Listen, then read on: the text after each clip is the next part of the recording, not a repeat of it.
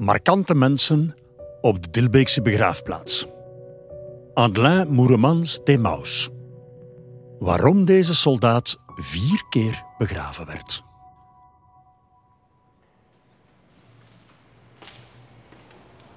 Het is 30 december 1918.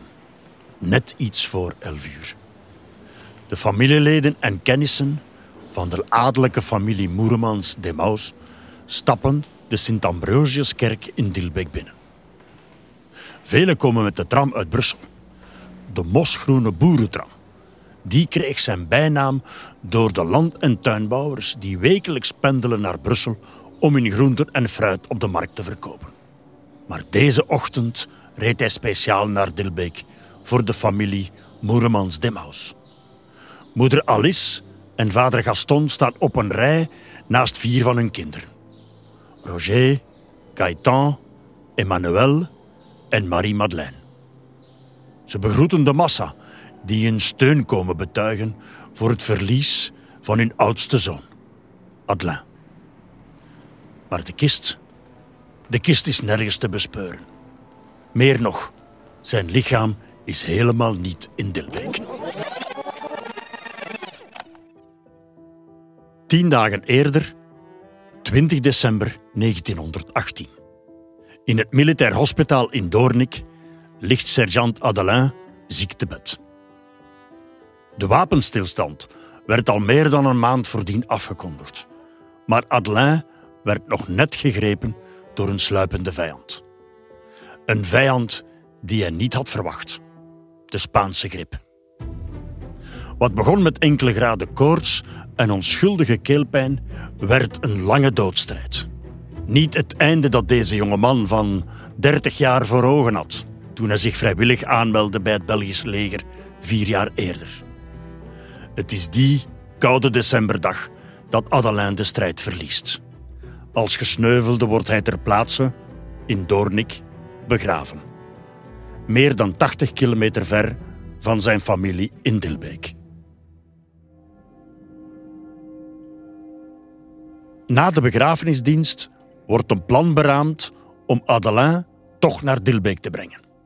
Dit moet in het grootste geheim gebeuren, want officieel is de vrede nog niet getekend en mogen lichamen van gesneuvelden nog niet verplaatst worden.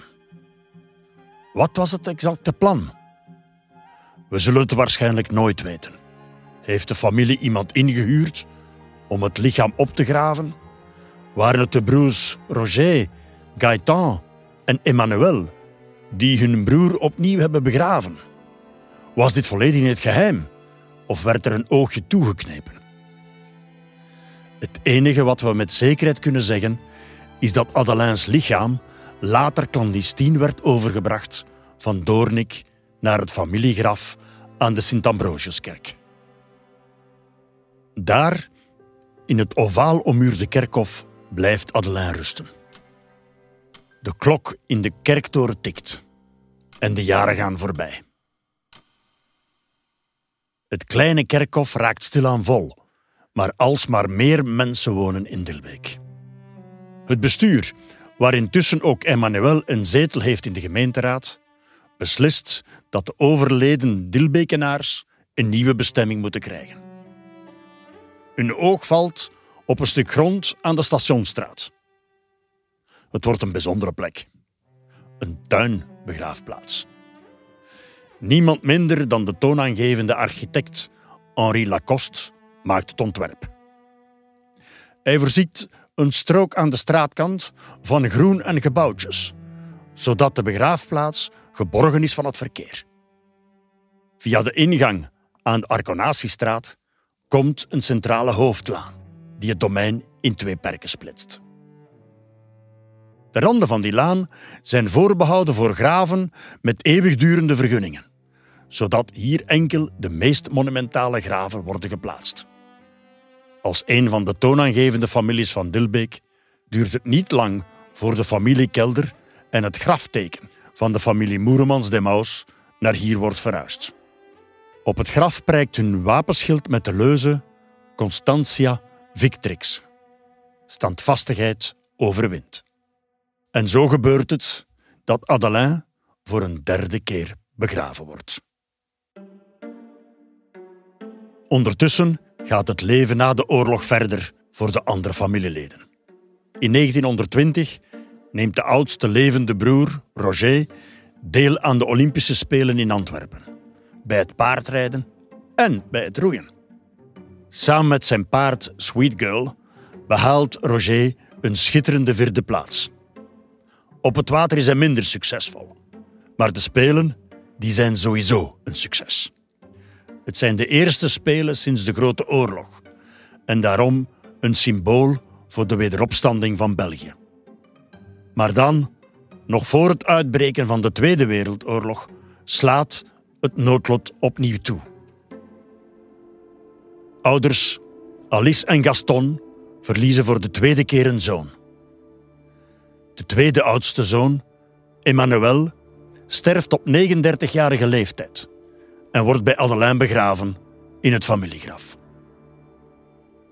Enkele jaren later vervoegen moeder en vader zelf hun kinderen. Gaston overleeft de Tweede Oorlog niet.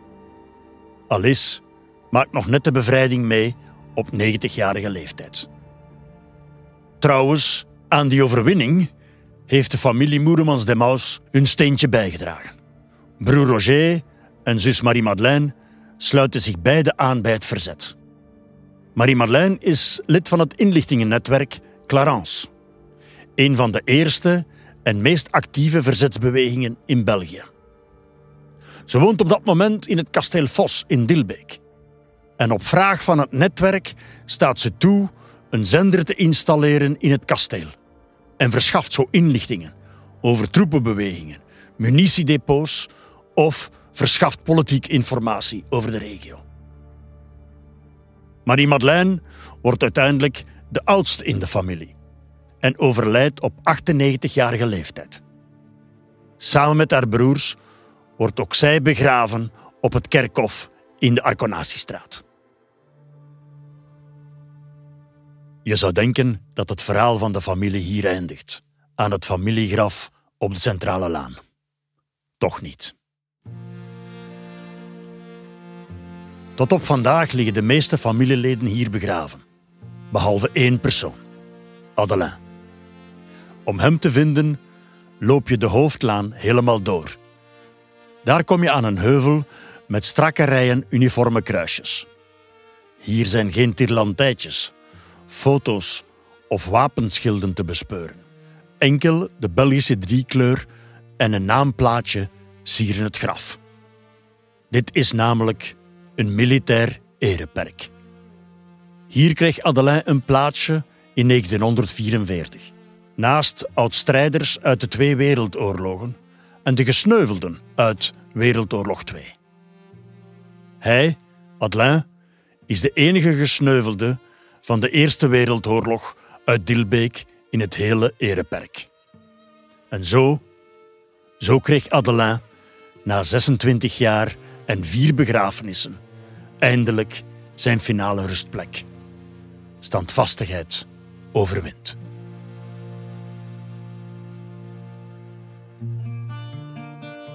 Deze podcast werd gemaakt door een groep Dilbeekse vrijwilligers in samenwerking met WAJO. Met de steun van Cultura Dilbeek, Zender, Provincie Vlaams-Brabant, Familiekunde Dilbeek en Gemeente Dilbeek.